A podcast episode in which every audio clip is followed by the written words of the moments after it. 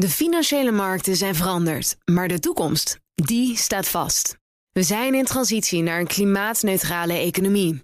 Dit biedt een van de grootste investeringskansen van onze generatie. Een kans voor u om mee te groeien met de klimaatoplossingen van morgen. Meer weten? Ga naar carbonequity.com. Carbon Equity. Do good by investing better. Duurzaam wordt mede mogelijk gemaakt door PreZero. Verder denken voor een duurzaam morgen. BNR Nieuwsradio. Duurzaam.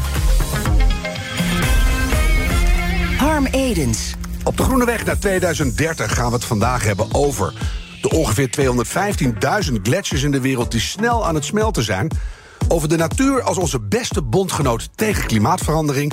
En over vijf hoogtgevende ontwikkelingen voor een betere wereld. Onze gast van vandaag zit vol hoop en strijdlust waar het gaat om de toekomst van de mensheid op onze planeet. Laat ik ter inleiding daarvan vijf grote klimaatopstekers noemen.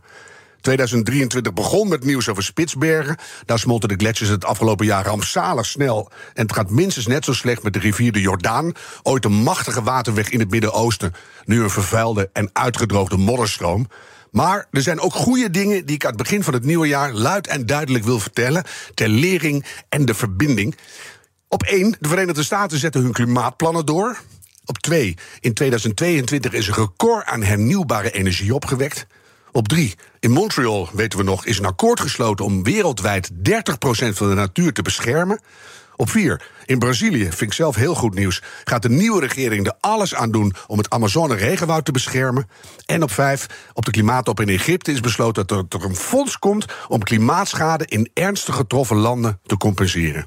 Nu al die plannen nog even goed uitwerken en snel in werking zetten.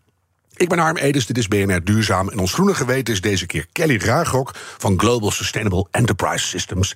Kelly, ik noemde zelf al even de gletsjers als uh, valse start voor de, voor de mooie berichten. Maar Science kwam afgelopen week naar buiten met een nogal verontrustend bericht. Ja, dat kun je wel stellen, uh, Harm. Wat blijkt, gletsjers smelten wereldwijd nog sneller dan verwacht.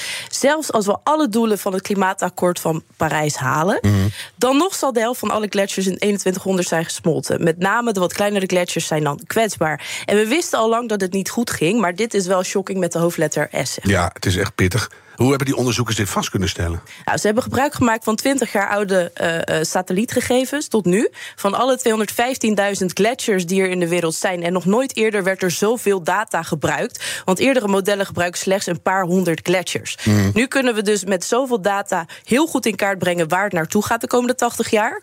Dit scenario gaat dus uit van anderhalve graad opwarming. En dat betekent dat de helft van alle gletsjers smelt.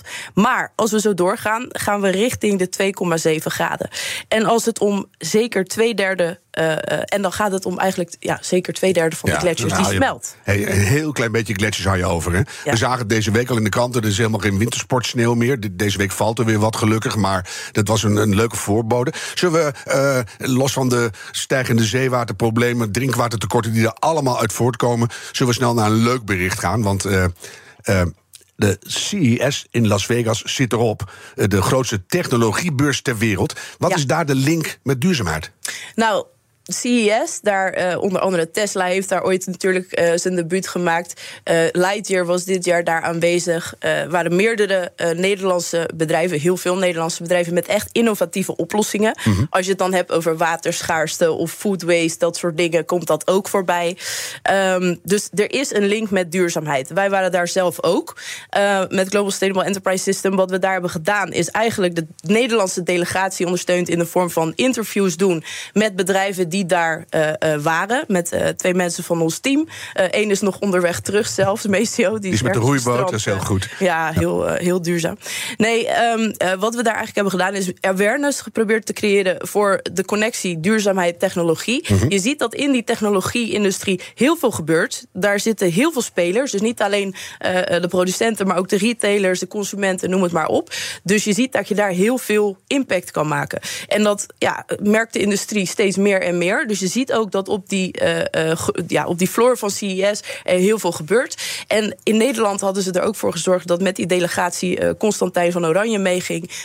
werd ook gesteund door het ministerie van Economie, Economische Zaken en Buitenlandse Zaken. Dus op die manier ja, doen we wel ons stukje. En wat het leukste was, is dat er met die Nederlandse delegatie ook echt oplossingen waren. Zoals een Orbisk, een Hydraloop, die ook echt het verschil kunnen gaan maken.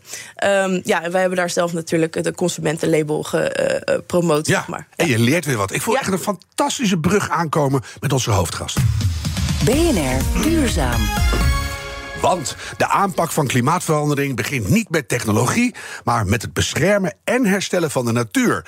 Dat schrijft Tim van Hattem in zijn boek Only Planet. Hij is programleader Green Climate Solutions aan Wageningen Environmental Research en met de trein deze kant op gekomen. Ja, en hij stagneerde bijna, maar ik ben er. Ja, je bent gewoon ruim op tijd. Een mooie titel, Only Planet, de verwijzing naar de bekende reisbijbel. Uh, jij hebt ook aardig wat afgereisd in je leven, Tim. Dat klopt, hè? Waar ben je allemaal geweest?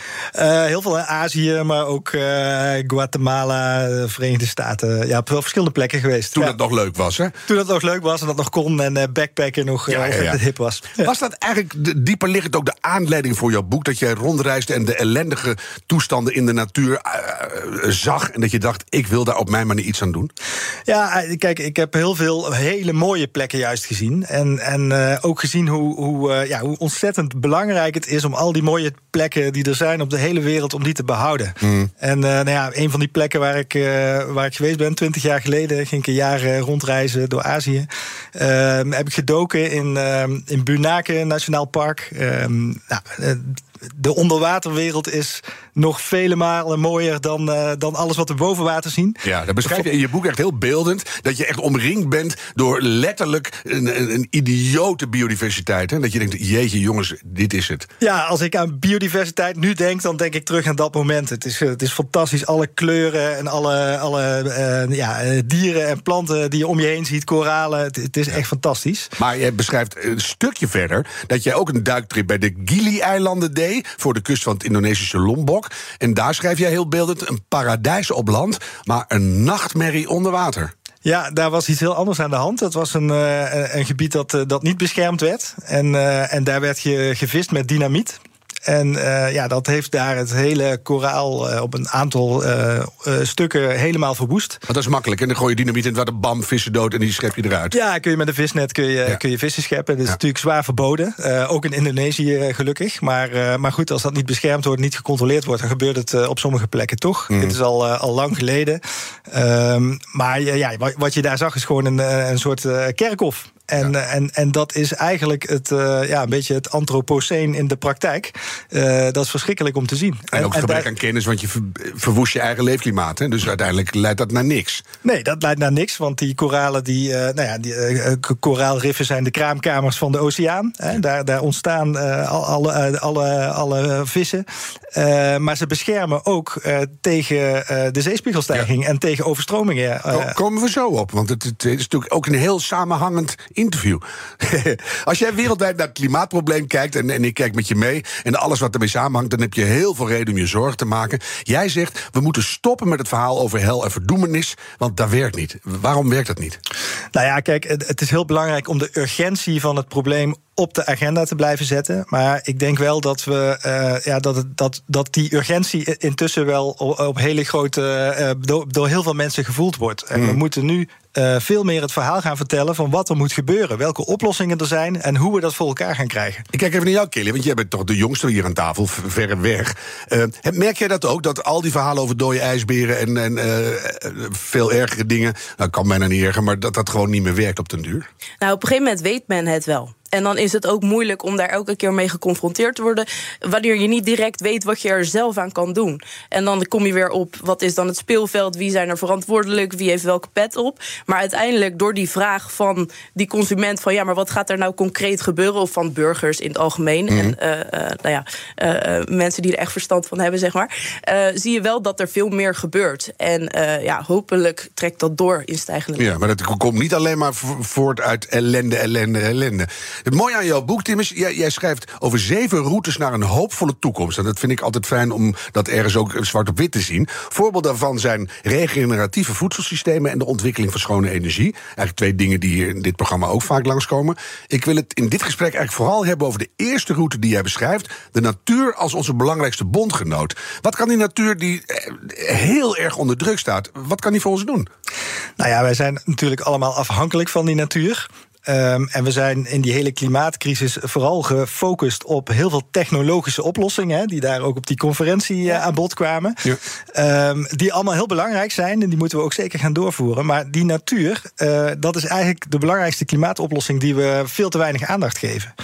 En uh, nou ja, er is heel veel wetenschappelijk onderzoek gedaan dat laat zien dat ehm, als wij op hele grote schaal natuur beschermen en weer gaan herstellen, dus de natuur die we kapot hebben gemaakt weer gaan herstellen.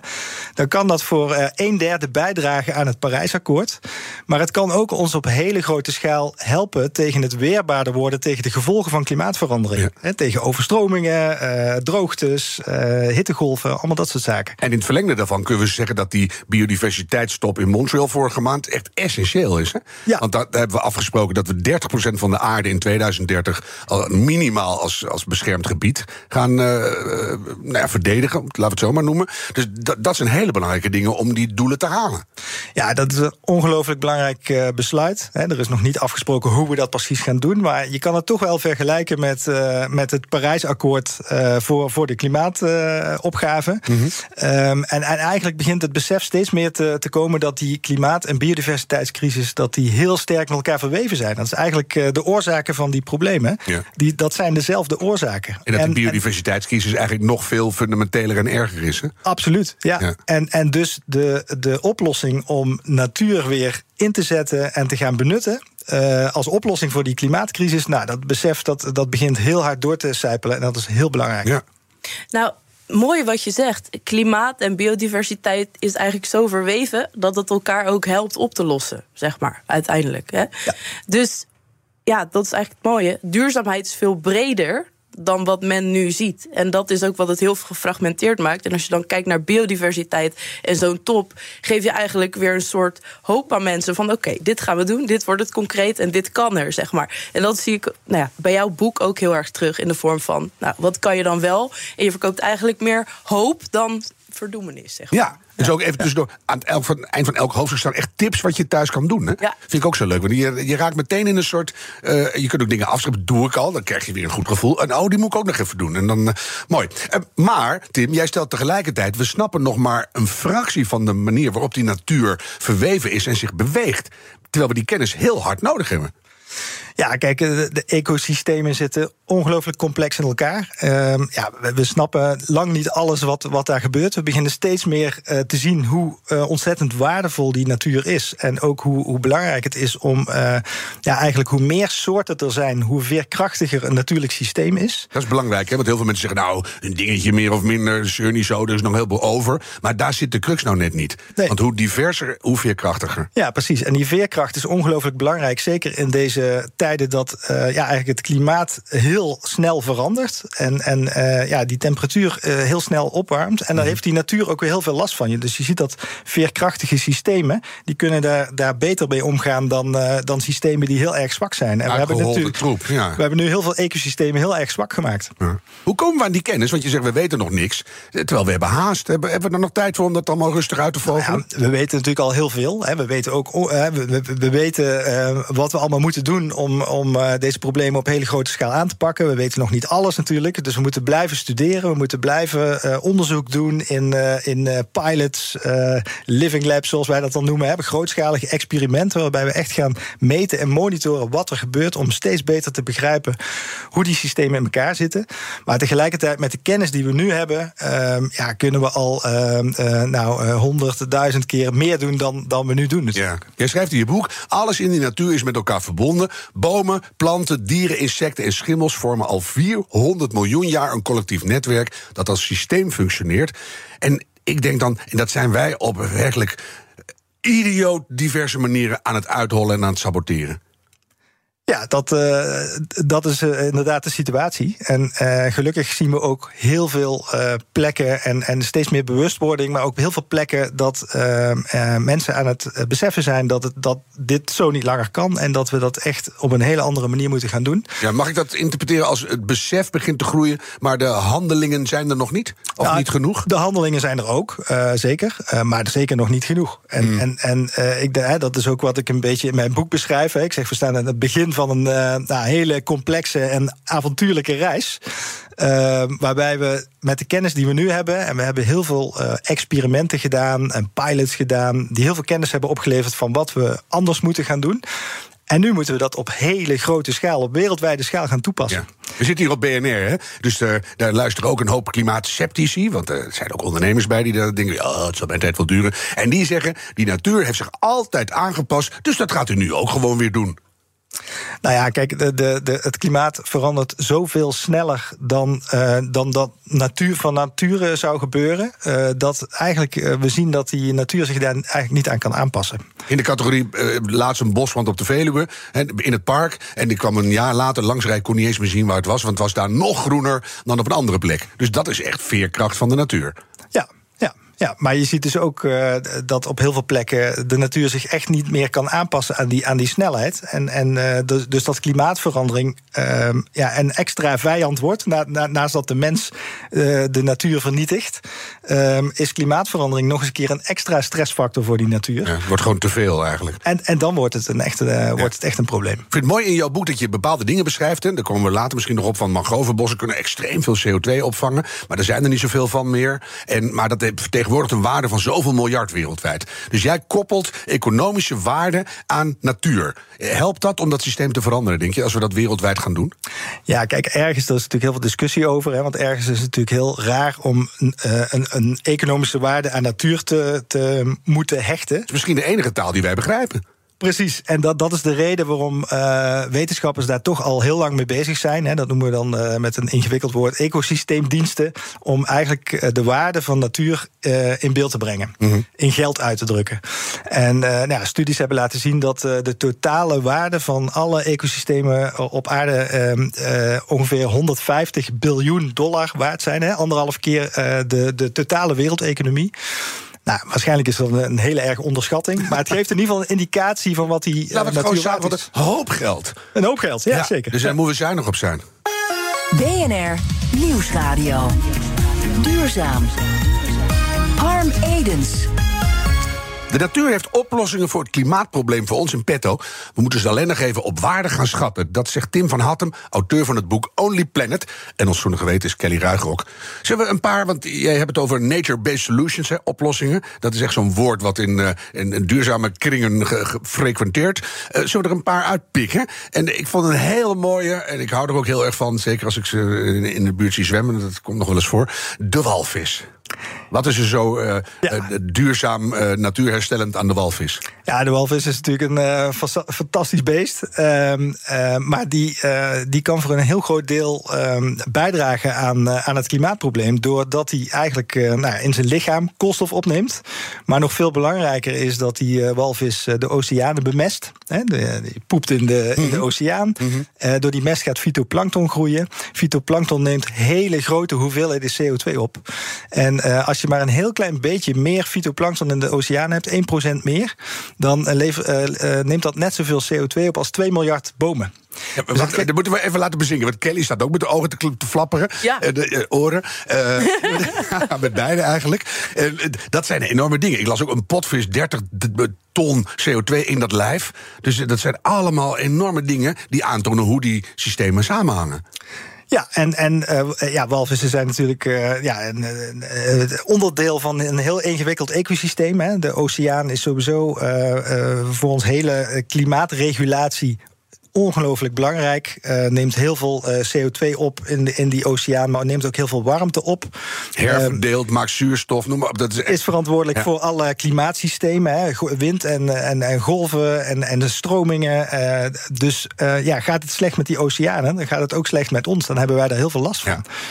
Maar ik wist niet dat die walvis daar zo'n fundamenteel onderdeel van was. Dat heb ik echt geleerd door jou. En jij hebt het over walvissnelwegen. Wat zijn dat? Ja, er zijn dus uh, routes. Hè. Het Wereld Natuurfonds heeft met een aantal uh, partijen in, in, kaart gebracht waar, uh, waar die walvissen migreren en, en op welke routes zij, zij zich verplaatsen. Nou, en als je dat op de kaart zet, dan zie je gewoon hele ja, grote snelwegen waar, waar walvissen zich verplaatsen. Ja. En nou ja, dat zijn, die, die, die matchen eigenlijk niet met, met de snelwegen die onze vaarroutes hebben. Dus, dus ook daar zullen we over na moeten gaan denken: van ja, willen we die walvis beschermen? Zullen we natuurlijk moeten stoppen met, uh, met het eh, jagen op walvissen. Ja, maar, maar dat überhaupt nog? Want dat las ik ook ergens. Maar dit is toch al jaren verboden?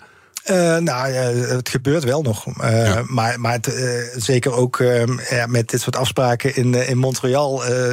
ja, is het natuurlijk niet meer van deze tijd om op walvissen te gaan jagen. Nee. Het, is, het, is, het is hartstikke, hartstikke fantastisch om naar walvissen te gaan kijken... en je te verwonderen over de pracht van, de, van, de, van, van die mooie natuur... in plaats van erop te gaan jagen. Ja, dus en als we dan toch 30% gaan beschermen kies dan ook even die snelwegen uit. Hè? En dan kunnen die, kunnen die walvissen... Oh, ja. Ja. ja. Het is zo lekker dat je kennis leidt weer tot mooie oplossingen hier.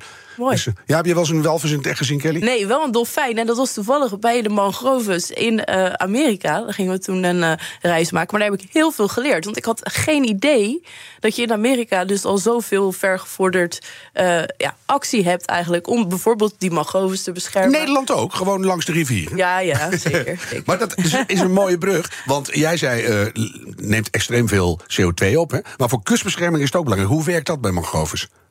Nou ja, die mangroves, die, uh, ja, het mooie daarvan is, is dat zij uh, dat zijn eigenlijk uh, ja, uh, zoutwaterbossen, zou je kunnen zeggen. Hè? Mhm. Die, die in, in kustgebieden groeien. Um, en die, ja, die bomen die beschermen ons tegen overstromingen. Um, en het mooie is dat als je mangroven weer. Uh, mangroven zijn op hele grote schaal eigenlijk ook vernietigd. Vaak door uh, aquacultuursystemen. Um, maar als je die weer op hele grote schaal gaat herstellen, wat op heel veel plekken gebeurt, bijvoorbeeld in Indonesië, een project waar ook, waar, ook vanuit Wageningen, maar ook vanuit Nederland experts bij betrokken zijn geweest. Een hele mooie Building with Nature pilot. Waarbij we hebben gekeken van hoe kun je uh, die mangroves weer gaan herstellen. Dan gaat dat helpen bij het uh, ja, beschermen van, die achter, van dat achterland ja. tegen, tegen overstromingen. En juist met het Letterlijk stijgende, golfbrekers. Het zijn eigenlijk golfbrekers. Ja, ja en, en uh, um, ja, je kan ze heel mooi inzetten bij het. ze kunnen meegroeien met de zeespiegelstijging. Kijk. En dat kunnen harde uh, Dan maar niet. Je moet je maar niet. blijven ophogen. Precies. Ja, ja, mooi is dat. En 1,6 miljard dollar ecosysteemwaarde. Daar word ik dan weer vrolijk van. Zeker op BNR. Ik wil er nog één kort puntje uitlichten. De boom. Heel veel mensen weten wel zo'n beetje, hè, er moeten meer bomen bij, maar dat blijft dan ook een beetje abstract. En af en toe plant je er een voor het goede doel. Hoeveel meer bomen hebben we nou nodig en hebben we daar ook plek voor? Ja, daar is ook uh, heel uitgebreid naar gekeken. Hè. Er is ge, uh, gekeken van, eigenlijk uh, zegt het IPCC van we hebben duizend miljard, miljard hectare aan. Um, Duizend miljard hectare? Ja. Dat is een hoop hectares. Ja, een hele hoop hectares um, um, extra bomen, bossen nodig om, om, om te gaan planten. eigenlijk uh, is, is de boodschap van uh, ja, duizend miljard uh, bomen moeten we gaan, uh, ja, ja. gaan planten. Volgens mij is het 1 miljard hectare. Precies, nee, ik vond al een astronomisch... 1 miljard hectare en 1000 miljard bomen. En dat kan? Uh, en er is door een uh, groep wetenschappers is er gekeken van uh, waar dat precies kan. nou, dat kan. op heel veel plekken is er, is er ruimte beschikbaar om dat te doen, zonder dat dat concurreert met, met andere, andere vormen van landgebruik. Dus dat moeten we gaan doen. Dus dat moeten we gaan doen. Is natuurlijk wel weer heel veel discussie over, want het mag nooit ten koste gaan van het reduceren van de emissies. Ja. En uh, dus die nature-based solutions op hele grote schaal inzetten is ongelooflijk uh, belangrijk om, uh, ja, om, om, om al die om ons te gaan helpen bij de, bij de klimaatproblemen die maar er zijn. Als mensen moeten we ook nog steeds veranderen. Maar minder moeten, fossiel, minder. We moeten gewoon blijven. Absoluut. Ja. Het is. En de VN kan dit gewoon allemaal even in gang zetten? Hoe zien we dat? Nou ja, de VN uh, kan dit niet in gang zetten. Dat moeten we echt allemaal zelf doen. Dat moeten alle lidstaten zelf doen. Dus de VN uh, die, die roept daar van alles over. Het IPCC roept er van alles over. Wetenschappers roepen er van alles over. Maar we moeten het in elke lidstaat moeten we zelf aan de bak om dat te gaan doen. En die luisteren, ik weet het zeker. Gelukkig hebben ze in Glasgow afgesproken om de ontbossing uiterlijk in 2030 helemaal te beëindigen. Laten we hopen dat al die landen zich daaraan gaan houden. En anders gaan we ze eraan herinneren. Tim van Hattem, auteur van het boek Only Planet Klimaatgids voor de 21ste eeuw. Dank voor dit gesprek. Kelly, wat uh, neem je mee naar huis? Ja, alles is er al. En ik ga zeker uh, nog een keer het boek lezen. Maar ik vind het wel uh, heel gaaf wat we vandaag gewoon besproken hebben. Vooral um, ja, de nadruk op de oplossingen zijn er al. En je kan gewoon hele eigenlijk voor de hand liggende dingen inzetten om een heel groot wereldprobleem op te lossen. Ja. Dus, ja. En zo is het, dat hebben we nog niet genoeg benadrukt. Hè, want het is Only Planet van de Lonely Planet. Het is echt een guide in hele simpele, overzichtelijke hoofdstukken. En je krijgt echt de, de hele problematiek handig samengevat met goede tips voor thuis. Nou, ik zou zeggen, kom er eens om. Dankjewel Kelly Ruigrok. Dit was BNR Duurzaam, de groene weg naar 2030. Laten we die met z'n allen nemen en een beetje doorlopen graag. De tijd van treuzelen is voorbij. BNR Duurzaam wordt mede mogelijk gemaakt door PreZero. Verder denken voor een duurzaam morgen.